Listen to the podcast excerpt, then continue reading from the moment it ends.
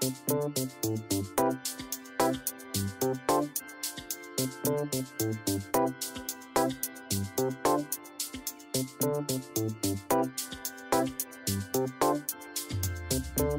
pendengar, selamat datang di podcast dokter pribadi.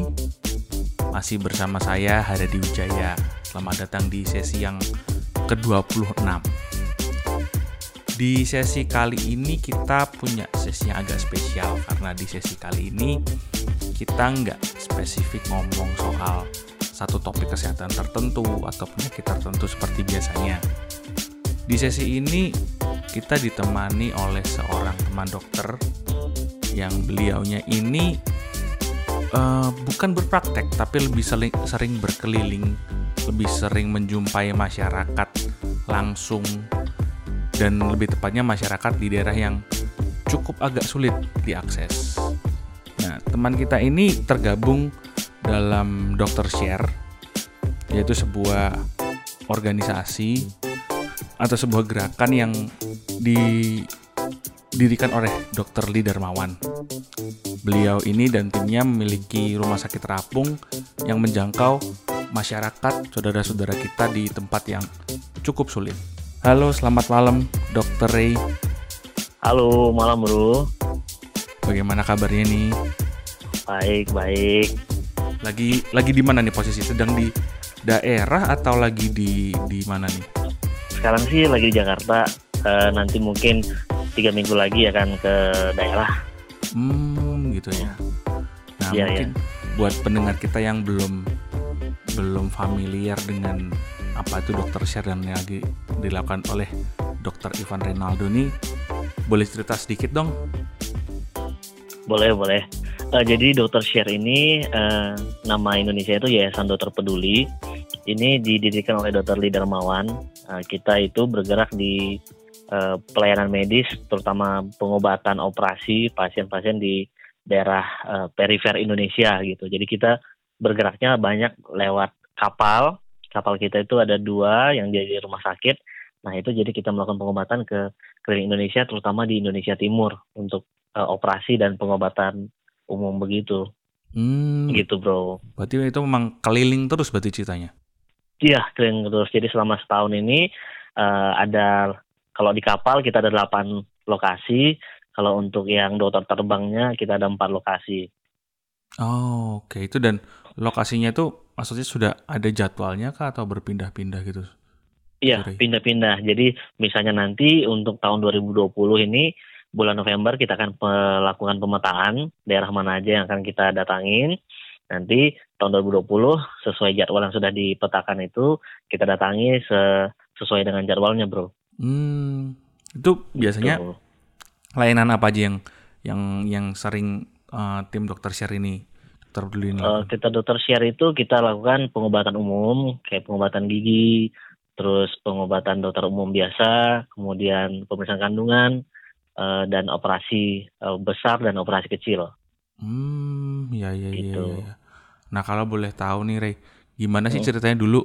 Karena gini, memang kan uh, seperti kita ketahui kalau yang namanya dokter memang ada fase di mana memang dokter itu dalam masa pendidikannya harus praktek, harus Mm-mm. ke daerah. Nah tapi Mm. ceritanya ini kan Ray dan teman-teman ini kan akhirnya terus berada di daerah bahkan terus keliling ini gimana ceritanya bisa sampai sana? Kalau saya sendiri sih bergabungnya itu waktu saya dulu kan PTT eh, pegawai tidak tetap itu di NTT di Sumba. Hmm. Nah ketemu sama dokter Lee dan tim waktu itu. Jadi setelah itu saya diajakin jadi relawan selama tiga tahun saya ikut eh, keliling-keliling juga. Eh, habis itu mulai tahun 2019 ini saya diajak bergabung jadi full timer akhirnya eh, bergabung begitu. Hmm, ya ya ya ya ya. ya. Mm-mm. Berarti kalau kayak gitu bener-bener ketemu masyarakat yang memang berarti istilahnya ketemu masyarakat yang mereka nggak punya akses ke fasilitas kesehatan atau gimana gitu. Iya, banyaknya sih begitu. Terutama kalau misalnya eh, rumah sakit apung kita yang ke daerah pedalamannya banget, itu juga benar-benar banyak yang sangat tidak terjangkau akses kesehatan. Apalagi yang dokter terbang, itu kan kita mau nggak mau harus terbang melalui pesawat yang kecil kan. Hmm. Jadi aksesnya memang benar-benar sangat jauh sekali. Jadi eh ya benar-benar jauh banget. Hmm, ya ya ya ya ya ya. Hmm. Nah, ini kenapa kita tim dari dokter pribadi ini uh, pengen banget ngobrol sama Ari itu Hmm. dok. Karena kan uh, jadi dokter pribadi ini ada karena uh, kami dari tim dokter pribadi itu punya concern bahwa masyarakat Indonesia ini sangat apa ya, sangat mudah atau bahkan sangat menyukai mengkonsumsi mitos-mitos, terutama mitos-mitos soal Hmm. kesehatan tuh kayaknya nyebarnya tuh mudah sekali gitu. Orang Hmm. mudah terima terus mudah percaya juga gitu kan. Hmm. Nah, ketika kita ngomong soal itu tuh kayak kesannya tuh kayak sesuatu budaya aja di sini. Nah, sebenarnya dok eh, dokter ini kan ke orang-orang ke tempat-tempat di mana eh, orang mungkin akses untuk informasinya kurang Hmm. kurang baik lah ya. Hmm. Nah, sebenarnya kalau di dari yang dokter temui nih dari pengalaman kira-kira eh, sering nggak ketemu kayak orang yang istilahnya lebih mempercayai mitos yang mungkin secara Hmm. akal sehat tuh sulit diterima dibandingkan Hmm. penjelasan atau dari atau dari sisi medisnya gitu dokter. Oh, itu kalau jawabannya sih sering banget bro. Sering banget ya. Eh, sering banget dan itu membuat kadang-kadang saya dan teman-teman dokter lain tuh eh apa ya kayak pingin nahan emosi terus ya nahan napas aja sih ngelihat mitos-mitos yang sangat unik-unik dan ajaib-ajaib begitu. Kalau yang paling paling unik yang pernah ditemuin nggak ap- apa contohnya? Mungkin eh kalau yang saya pribadi itu yang uniknya ya eh, kayak misalnya eh, setelah melahirkan itu harus di diasapin gitu. apa Diasapin tuh bayinya? jadi eh sama ibu hamil dan bayinya. Jadi di- ibunya itu di bawah tempat tidur itu ditaruh semacam kayak arang gitu ya atau asap atau apa untuk diasapin gitu supaya nggak tahu supaya bersih segala macam seperti itu. Padahal itu jauh lebih beresiko lebih banyak resiko negatifnya dibanding eh, keuntungannya. Iya iya iya iya iya. Kita bayangin orang orang barusan melahirkan, bayi barusan lahir, pokoknya diberi Hmm. udara segar malah ini di- diberi asap, diasapin ceritanya. Iya, nggak tahu juga sih tujuannya apa. Cuma ternyata yang menariknya adalah eh, saya menemukan itu di daerah Indonesia Timur di NTT dan ternyata kejadian yang sama itu teman saya alami juga di Sumatera. Jadi eh, menariknya adalah budaya ini dari berbagai dia kan jarak jaraknya jauh Iya, ya Sumatera iya. sama NTT ya. Iya. Tapi memiliki kesamaan pola budaya tentang mengasapin itu gitu loh. Aneh ya jarak jarak sejauh itu bisa ada satu budaya yang bener-bener mirip seperti itu berarti itu udah dibawa dari zaman zaman kapan itu mungkin itu ya. Nah, itu termasuk tadi sebelum eh, kita ngobrol-ngobrol ini, saya kan eh, sharing sama beberapa teman di grup angkatan saya Hmm. soal tentang mitos-mitos ini. Hmm. Dan ternyata menariknya adalah teman saya yang di Kalimantan dengan teman saya di eh, Sulawesi itu kasusnya sama. Misalnya eh, kalau misalnya eh, kena lu- luka segala macam itu dikasih kopi atau kalau ada anak yang kejang yang disertai dengan demam itu dikasih kecap gitu. Oh, Jadi oke. ini menarik banget sih. Satu di Kalimantan, satu di Sulawesi, tapi polanya mirip gitu. Nah, ini berarti memang di eh, sekeliling kita di seluruh penjuru Nusantara ada berbagai banyak mitos-mitos yang berkembang yang ternyata mirip satu sama lain gitu loh. Iya iya iya betul yang Mm-mm. yang istilahnya kalau kalau kita yang datang dari dunia medis itu kayak ini ini dasarnya apa gitu kan orang Mm-mm. sampai bisa berpikir, berpikir seperti misalnya melakukan tindakan itu berpikir seperti itu iya iya Mm-mm. iya Ya kayak misalnya anak yang kejang yang disertai demam gitu diberi kecap supaya sadar itu kan eh, secara ilmu kita nggak ngerti sih kenapa bisa gitu karena ketika anak dengan kejang seperti itu diberi cairan sesuatu ya lebih Hmm. besar peluangnya anak itu mengalami aspirasi kemasukan cairan. ya. Nah itu lebih resikonya lebih besar gitu loh. Ah, istilahnya gini, kalau melihat dengan melihat kayak gitu, yang Ray sendiri temui di itu sulit nggak sih, maksudnya apalagi ke daerah, eh, ya Hmm. maaf maaf ya di daerah Indonesia Timur mungkin apalagi yang Hmm. daerah yang diakses cukup sulit, cukup dalam, ketika teman-teman dokter ini masuk ke sana terus kemudian berusaha untuk uh, memberikan pelayanan dan edukasi itu sulit nggak? Sulit banget. Karena budaya ini sudah mengakar begitu kuat sehingga kalau hanya tenaga medis aja dokter-dokter perawat yang menyampaikan ini ini nggak akan bisa bisa selesai. Jadi memang kalau misalnya sudah masuk ke dalam ranah budaya dan sudah diturunkan terus menerus begini kita harus uh, masuk lewat uh, pemangku adatnya atau pejabat pemerintah setempat supaya uh, bisa karena ternyata di daerah Indonesia Timur kayak di NTT itu ada satu desa yang ternyata oleh pemangku adat, oleh uh, pemegang jabatan pemerintahnya itu bisa membuat kebijakan yang ketika melakukan tindakan tadi, uh, kalau ada warga yang melakukan tindakan yang pengasapan tadi, hmm, hmm. mereka akan kena denda begitu. Dan ternyata makin lama makin lama uh, kebijakan ini dipatuhi dan akhirnya bisa berkurang dengan sendirinya uh, apa namanya mitos-mitos uh, yang seperti itu gitu loh. Mm -mm. Jadi memang ini harus melibatkan banyak banyak pihak sih supaya masyarakat semua itu bisa teredukasi dengan baik. Hmm, ya ya ya hmm. ya ya. Nah kalau kalau selama ini kayak uh, Ray cuma berpraktek ke di melalui uh, dokter share ini atau memang di di Jakarta juga ada praktek juga atau? Uh, sementara sih saya masih di dokter share aja. Sembari saya juga lagi merintis uh, komunitas saya juga sih gitu. Hmm gitu. Ya soalnya gini, hmm. yang menarik gini kalau kalau kita ngomong di daerah, di daerah terutama hmm. di daerah yang istilahnya mungkin akses informasinya cukup sulit, terus kemudian hmm. akses transportasinya juga cukup sulit. Hmm. Mungkin ya budaya-budaya dari zaman lama istilahnya yang dibawa itu hmm. sebelum dunia medis modern itu masuk mungkin hmm. masuk akal. Maksudnya maksud saya masuk akal adalah mungkin memang karena di sana akses informasinya kurang itu lebih mengakar kurang, sampai iya. sekarang. Nah, uh. yang menjadi pertanyaan sebenarnya gini, kalau menurut uh, Ray sendiri uh. di masyarakat perkotaan sendiri atau istilahnya di daerah-daerah yang lebih lebih maju lah akses hmm. informasi hmm. dan transportasinya.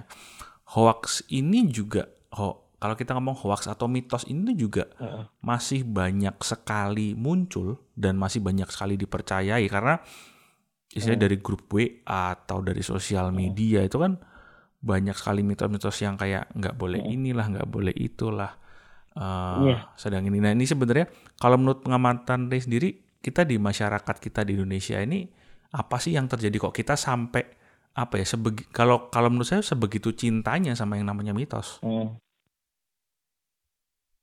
Um, sebenarnya itu susah juga sih jawabnya ya karena uh, ya tadi ternyata masyarakat perkotaan dengan yang tingkat pendidikan juga cukup tinggi banyak yang termakan mitos-mitos kayak yang baru-baru ini yang lagi viral itu yang uh, ada serangan jantung yang ditepuk-tepuk bahunya itu betul betul betul nah itu kan suatu hal yang mengerikan padahal kemungkinan pasien itu bisa selamat dengan melakukan tindakan uh, resusitasi jantung paru hmm. itu besar yeah. gitu. Cuma itu orang-orang yang berpendidikan pada tepuk-tepuk bahu itu kan cukup meng apa ya ngenes ya. Iya, ya menyedihkan karena uh, hmm. kalau boleh saya potong ntar kayak jadi hmm. gini cerita yang menarik itu ada cerita gini. Jadi ketika jadi kebetulan uh, waktu itu dokter Hari, dokter Hari kan hmm. sharing terus kita angkat itu ketika kita melihat uh. itu cukup viral di di sosial media kita angkat uh. itu sekitar dua setengah bulan tiga bulan yang lalu uh. Uh. kita angkat itu jadi satu jadi satu episode soal bantuan uh, hidup dasar henti jantung uh. kemudian itu viral di sosial media kita publish cukup viral postingan itu akhirnya uh. Uh. cukup banyak yang menanggapi cukup itu yang menarik kan kejadian kemarin kejadian lagi di Kejati Makassar yang ketua BPKH yeah. itu dan kita lagi-lagi di situ akhirnya kayak kayak konten kita yang itu kayak naik lagi tuh kita, kita kayak melihat kok bisa ya kok bisa ya nak kenapa ya hmm. ya masih bisa bisa seperti itu gitu nah kalau yang saya amati dari beberapa teman-teman saya ini kita diskusi itu hmm. uh, ini karena apa ya namanya grup-grup di WA ini terutama hmm. jadi ketika ada satu info dibagikan muncul uh, statement-statement dari beberapa anggota-anggota iya aku juga pernah lakuin itu dan ternyata bisa aku pernah begini begini jadi komentar-komentar yang tidak berdasarkan bukti-bukti ilmiah segala macam itu di di apa disampaikan dan akhirnya orang-orang semua termakan bahwa oh semakin banyak yang ngomong bilang seperti ini oh berarti benar gitu kayak misalnya tadi saya iseng aja browsing nih uh, di Google hmm. tentang uh, kan beberapa yang kita temui itu ada mitos bahwa kalau misalnya bayi belekan itu. Ditetesin asi ibunya bisa sembuh gitu. Hmm. Itu kan suatu hal yang sangat uh, apa ya menyedihkan karena sebenarnya ASI itu memang banyak mengandung nutrisi buat bayi, tapi tidak higienis, tidak steril gitu loh. Yeah. Jadi tidak bisa untuk ditetesin di mata. Di samping itu ya bayi belekan ya maksudnya masih dalam proses taraf yang wajar ya karena saluran air matanya belum belum terbuka sempurna gitu. Nah, saya baca di situ ternyata komentar ibu-ibunya semua rata-rata, oh iya saya juga pernah coba dan berhasil. Saya pernah coba juga dan berhasil. Rata-rata komen begitu. Akhirnya ketika para ibu-ibu yang lain atau uh, bapak-bapak yang lain membaca itu oh ternyata bisa akhirnya dicoba. Terus menerus seperti itu informasi begini diulang-ulang terus. Akhirnya ya termakanlah seperti itu gitu. Ya ya ya tanpa istilahnya cuma dengan omongan ada yang komentar berhasil tanpa ngecek oh ini sebenarnya bener nggak sih? Memang bener ini efek mm apa enggak atau secara secara secara apa ya secara medis ini memang baik atau yeah. tidak langsung diaplikasi gitu ya dok ya? Betul kan berdasarkan testimoni aja. Padahal kalau misalnya mau lebih apa ya lebih serius dalam misal Google gitu ya hmm. itu sudah banyak website-website yang uh, menyajikan informasi yang disajikan langsung oleh dokternya sendiri. Dengan kata lain ketika ada suatu pertanyaan dari naras uh, dari seorang pasien dan yang menjawab itu dokter dan di situ ada nama dokter dan foto dokter itu otomatis uh, itu cukup bisa bertanggung jawab karena uh, dokternya bisa memberikan jawaban dengan cukup ilmiah begitu ketimbang mencari informasi berdasarkan testimoni-testimoni orang-orang yang sudah pernah melakukannya itu sama sekali tidak akurat gitu. Hmm. hmm, hmm, hmm ya, ya menarik. Bener karena karena itu juga sih alasannya kayak kami itu gini uh, teman-teman yang ada di podcast dokter pribadi ini kan memang punya concern yang sama bahwa mm -hmm. ya sebenarnya profesional ini oke okay kok para para dokter-dokter mm -hmm. ini tenaga medis ini profesional medis ini oke okay kok buat ditanyai hal-hal yang seperti mm -hmm. itu gitu loh. Nah kebetulan mm -hmm. uh, ini saya pernah dengar ada satu ada satu testimoni dari testimoni. Uh, oh. jadi di Jawa sih di Jawa di Jawa Tengah uh. itu uh, salah satu temen yang dia cerita kalau uh, bahkan apa ya kayak masyarakat itu merasa uh, lebih enak ngomong sama bidan. Karena ya karena mungkin bidan menangani anaknya lahiran anaknya dari itu atau dari mungkin di desa itu dulu cuma adanya bidan jadi kalau misalnya kalau ketemu kayak ketemu dokter itu uh, sungkan lah ceritanya mm -hmm. Nah, kalau mungkin kalau kayak Ray itu di, di daerah yang apalagi di daerah timur sana atau di daerah yang agak pedalaman, mm-hmm. apa nemuin gitu juga, Ray? Ya, itu lazim banget sih ditemukan ya mungkin uh, selain kata Mas Bro tadi bilang sungkan ya karena mereka kadang-kadang ketika sudah ketemu dokter itu mereka susah untuk menyampaikan apa yang di pikiran mereka karena hmm. keterbatasan bahasa ya yeah. bukan hanya uh, bahasa mereka tapi uh, pengaruh apa ya tingkat pendidikan sehingga uh, bahasa yang mereka sampaikan itu tidak seperti yang apa yang ini mereka sampaikan dalam pikiran mereka begitu. Hmm, Kalau kita yeah. kan mungkin punya kemampuan untuk uh, apa namanya mengejawantahkan apa yang kita pikirkan kita rasakan dalam bentuk kalimat yang cukup baik. Nah hmm, hmm. mereka kadang-kadang disampingkan sudah sungkan tadi ada rasa uh, takut, rasa khawatir, akhirnya semua yang mau mereka sampaikan nggak tersampaikan dengan kalimat-kalimat yang baik begitu. Hmm, ya, ya, ya. Hmm. Nah, itu kan juga mungkin juga sebenarnya kalau saya meyakini sih bahkan kita kita hmm. ini yang di kota juga pun sering mengalami itu karena hmm. apa ya mungkin buat membahasakan apa yang kita alami ke dokter ini kan ya tadi butuh butuh kosakatanya butuh ya. butuh. Nah, gini kalau kalau mungkin ada tips nggak supaya hmm. gimana ya kalau pendengar kita ketika dia mengalami sesuatu supaya nggak nggak sungkan supaya bisa mudah mengkomunikasikan tuh gimana sih sebenarnya supaya kita komunikasi dengan dokter ini?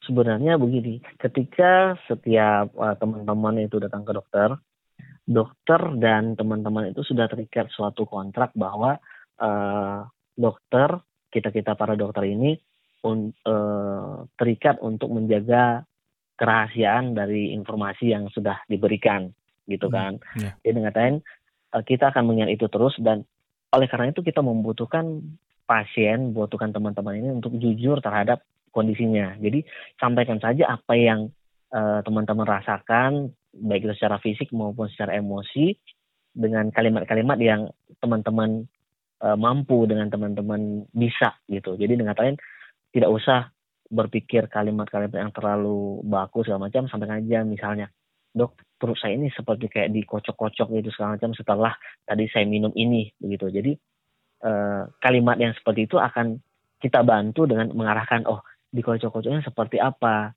Terus munculnya kapan setelah apa tadi bla bla bla segala macam. Jadi sampaikan aja dengan kalimat-kalimat yang eh, ke teman-teman yang tahu. Nanti kita para dokter akan mengarahkan yang lebih spesifik lagi ke sesuai dengan keluhannya gitu. Yang jelas nggak perlu khawatir dengan pemikiran aduh saya malu sama dokternya saya ini segala macam. Ya nggak perlu karena kita para dokter ini ada yang untuk untuk melayani teman-teman sebagai pasien kita gitu ya berarti intinya supaya yang penting tuh informasi yang di, apa yang dirasakan mm. itu disampaikan saja mm. semua istilahnya kan ya iya mm -mm. Ya, ya, sampaikan ya. semua nah gitu itu kan kalau soal komunikasi dengan dokter. Kemudian hmm. kembali lagi nih ke soal mitos dan mungkin hoax. Hmm.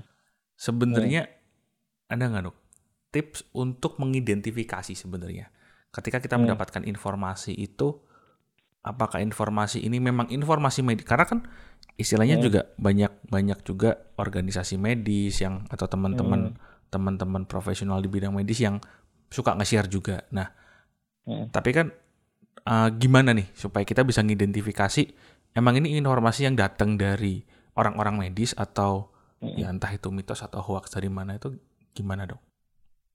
Yang jelas pertama ketika mendapat informasi uh, itu harus dilihat dulu ini logis nggak? Misalnya tadi ya kayak tadi kejang pasien kejang kan otomatis sadarannya kan berkurang. Nah hmm. itu kita masukin cairan, otomatis kemungkinan lebih parah kan lebih besar. Nah itu harus kita saring dulu. Ini uh, logis atau tidak yang pertama. Yang kedua, uh, selama itu bukan diucapkan oleh ahlinya, misalnya pakar pakar kesehatan atau pakar uh, psikologi, itu tingkat keaku akurasi dari informasi itu jauh lebih berkurang. Jadi selama informasi itu tidak disampaikan oleh tenaga kesehatan, tenaga ahli segala macam, jangan cepat cepat percaya. Yang ketiga, apabila informasi itu berupa eh, apa namanya broadcastan dari grup-grup WA atau segala macam, justru eh, itu jangan jangan benar-benar dipercaya dan langsung konfirmasikan ke eh, dokter anda gitu. Hmm. Ya ya, jadi kalau terutama yang poin yang poin ketiga poin ya, ketiga yang, yang paling penting ini, ya, ya. begitu dapat broadcast informasi kesehatan yang cukup unik segala macam, langsung segera konfirmasikan ke dokter karena biar dokter segera langsung melakukan klarifikasi atas informasi itu. Hmm, ya ya ya betul betul. Ya hmm. benar. Poin ketiga ini penting karena justru yang menarik yang di perkotaan yang sebenarnya akses buat buat mengakses hmm. uh, bertemu dengan dokter atau berkomunikasi dengan dokter lebih gampang, malah biasanya hmm. asal terima informasinya nggak dicek dulu, dipraktekin dulu, begitu ada yang hmm. salah baru mungkin tanya sama dokter ya kali dok ya. Iya, kan sebenarnya saya berpikirnya begini ya di perkotaan ini kan rata-rata setiap kita paling tidak memiliki satu teman atau satu kenalan yang uh, tenaga medis begitu ya. Yeah. Nah, ketika mendapat informasi begitu, alangkah lebih baiknya kita segera konfirmasikan ke teman-teman kita yang tenaga medis atau para medis itu untuk menanyakan apakah ini benar atau tidak gitu. Supaya supaya benar-benar informasi kita dapatkan itu lebih lebih akurat. Karena saya sih percaya ya teman-teman teman-teman sejawat saya itu ketika di uh, diminta klarifikasi, diminta informasi terkait informasi ini, pasti dengan senang hati untuk uh, memberikan penjelasan uh, yang semampu kita gitu. Hmm. Sesuai dengan gitu. sesuai dengan keahlian dan bidangnya masing-masing. Iya. Ya, ya, ya. Karena ketika kita tenaga medis uh, kita pun merasa misalnya ragu terhadap apa yang akan kita sampaikan, kita akan memastikan bahwa kita akan mencari sumber yang terpercaya dulu, baru kita akan menyampaikan penjelasan yang lebih rinci kepada yang bertanya kepada kita gitu. Kita sih biasanya seperti itu supaya informasi yang kita sampaikan ke teman-teman atau ke pasien itu benar-benar utuh dan benar-benar uh, sesuai dengan yang uh, apa namanya ilmiahnya lah gitu. Ya ya ya ya ya. Kembali lagi teman-teman yang ada profesional di dunia medis ini menjadi mm -hmm. profesional karena sebenarnya memang ingin menolong. Mm -hmm. Jadi memang ya ya kalau ada apa istilahnya membutuhkan pertolongan, membutuhkan informasi ya. Mm.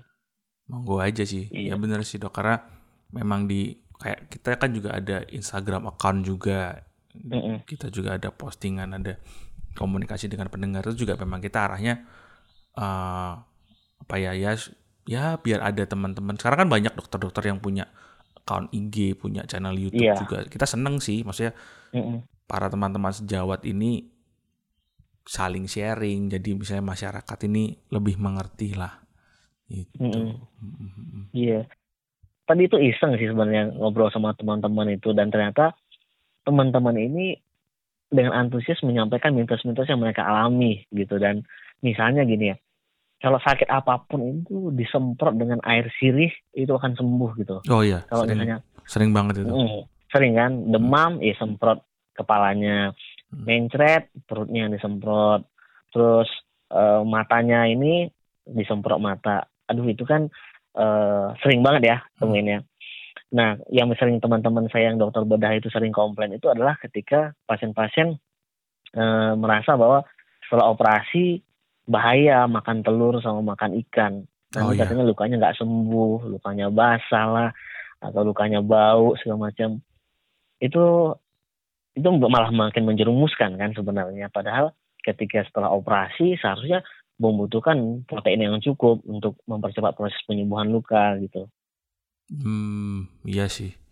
Iya sih. Jadi ya, ya itu makanya ketika bertemu dengan mitos-mitos begini ya memang harus sabar-sabar sekali sih kita para dokter untuk menyampaikan dan uh, mungkin saya juga mau menyampaikan ke teman-teman itu mungkin kita perlu membina suasana yang baik aja sih supaya ada kepercayaan dari pasien dan kita sehingga apa yang kita sampaikan bisa mereka turuti gitu. Ya. Karena memang kalau udah terkait mitos ini agak sulit sih, butuh waktu yang uh, cukup. Hmm, ya ya ya ya. ya. Hmm. Nah, pernah nggak bro dengar ini kayak misalnya patah tulang itu uh, tinggal dipijit-pijit bawa oh. ke ini nanti bisa sembuh. Iya, iya, benar. Patah tulang nanti Hah? dikasih daun. Uh, iya. Yang saya pernah ngalamin sendiri itu disuruh kasih daun hmm. kucai. Ya, itu saya juga pernah dengar. Atau pernah dengar nggak yang dikasih eh, ditaburin kopi? Oh iya, ya. Nah, ya memang mungkin aja ada yang berhenti karena ketutup sama kopi itu, tapi itu kan menyebabkan infeksi baru lagi dan kita akan kerepotan sekali membersihkan kopi-kopi yang lengket di luka-luka itu gitu loh. Mm -hmm. Saya pernah mengalami satu tuh anak waktu saya masih di Sumba, uh, anak itu patah tulang terbuka. Uh, kita udah menawarkan untuk dioperasi, untuk dijahit segala macam gitu, tapi orang tuanya bilang ini bawa ke untuk diobatin patah tulang gitu. Padahal kejadiannya itu patah tulangnya terbuka, oh, jadi ada luka yang terbuka. Huh?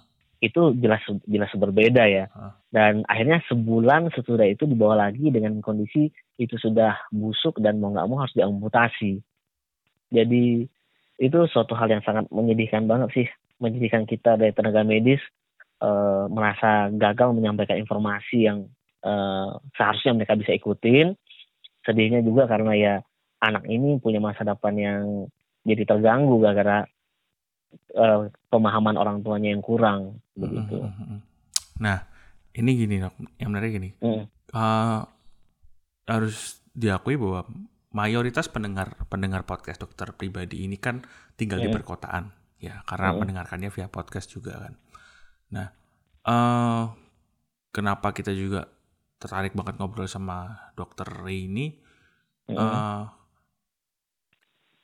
kami merasa bahwa untuk menyebarkan informasi yang baik terus kemudian untuk memberikan pelayan uh, pelayanan lah kepada saudara-saudara kita uh, di daerah-daerah yang lebih itu tuh memang harus melalui gerakan yang seperti uh, tempat dokter bergabung di dokter share itu. Nah, kira-kira kalau istilahnya teman-teman kita pendengar ini ingin mensupport uh, gerakannya dokter share itu bisa nggak dok? Loh bisa bisa. Tinggal buka aja website kita di doktershare.org. Hmm. Itu bisa dipantau kegiatan-kegiatan kita apa aja, terus informasi apa aja, dan apa yang bisa teman-teman lakukan buat uh, membantu kita bisa kok ada di situ. Hmm, ya ya ya ya ya. Jadi ada memang ada ada yang bahkan untuk yang awam-awam juga bisa memberikan donasi dan sebagainya tuh bisa ya, juga. ada, bisa di situ. Kita juga punya YouTube-nya, tinggal cari di YouTube Dokter Share gitu. Ada banyak sekali video-video kita yang uh, ketika kita ke pedalaman Indonesia itu mudah-mudahan sih bisa menyentuh teman-teman untuk lebih tergerak ya. Amin, amin. Mm -hmm. Ya harapannya, harapannya mm -hmm. kita kan juga memang uh, kita ya kita sama-sama istilahnya mm -hmm. um, apa ya kita semua sama-sama baik dari kita dari tim medis di dokter pribadi maupun pendengar ini kan kita sama-sama pengen punya Indonesia yang lebih sehat dok. Iya. Gitu. Betul. Makanya, yang jelas mungkin kalau nanti pesan saya sih terutama buat teman-teman pendengar ini di bold nih kalimat saya bahwa selama teman-teman mendapat informasi dari grup WA, informasi berkaitan dengan kesehatan, please uh, langsung konfirmasi ke teman-teman teman-temannya teman yang punya dok yang statusnya dokter atau tenaga medis untuk memastikan apakah informasi itu benar atau tidak. Karena dengan melakukan ini itu lumayan bisa sih untuk membantu teman-teman memiliki informasi yang lebih tepat, lebih benar ketimbang jarkoman-jarkoman atau broadcast-broadcastan seperti itu. Ya, ya, ya. Setuju dok. Kalau kalau mungkin nggak ada yang punya teman dokter atau bingung ya silakan hmm. menuju ke akun Instagram dokter podcast dokter pribadi. Di situ hmm. banyak banget teman dokter yang bakal bisa menjawab pertanyaan-pertanyaan dari berbagai macam bidang sih. Hmm. Oke oke. Betul bro. Oke, mungkin kira-kira begitu, Dokter Ray.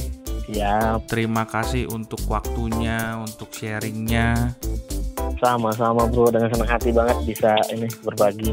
Ya, dan sehat, sukses terus dengan amin, amin. Sama-sama. layanannya di Dokter Share. Salam juga siap. buat teman-teman di sana. Siap, siap bro. Oke, okay. thank you dok. Oke, okay. yuk thank you, thank you bro.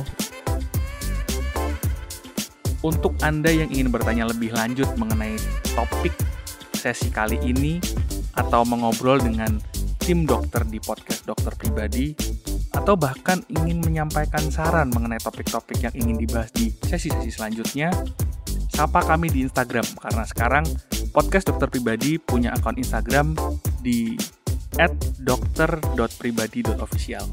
Sekali lagi akun Instagram kami ada di @dokter.pribadi.official.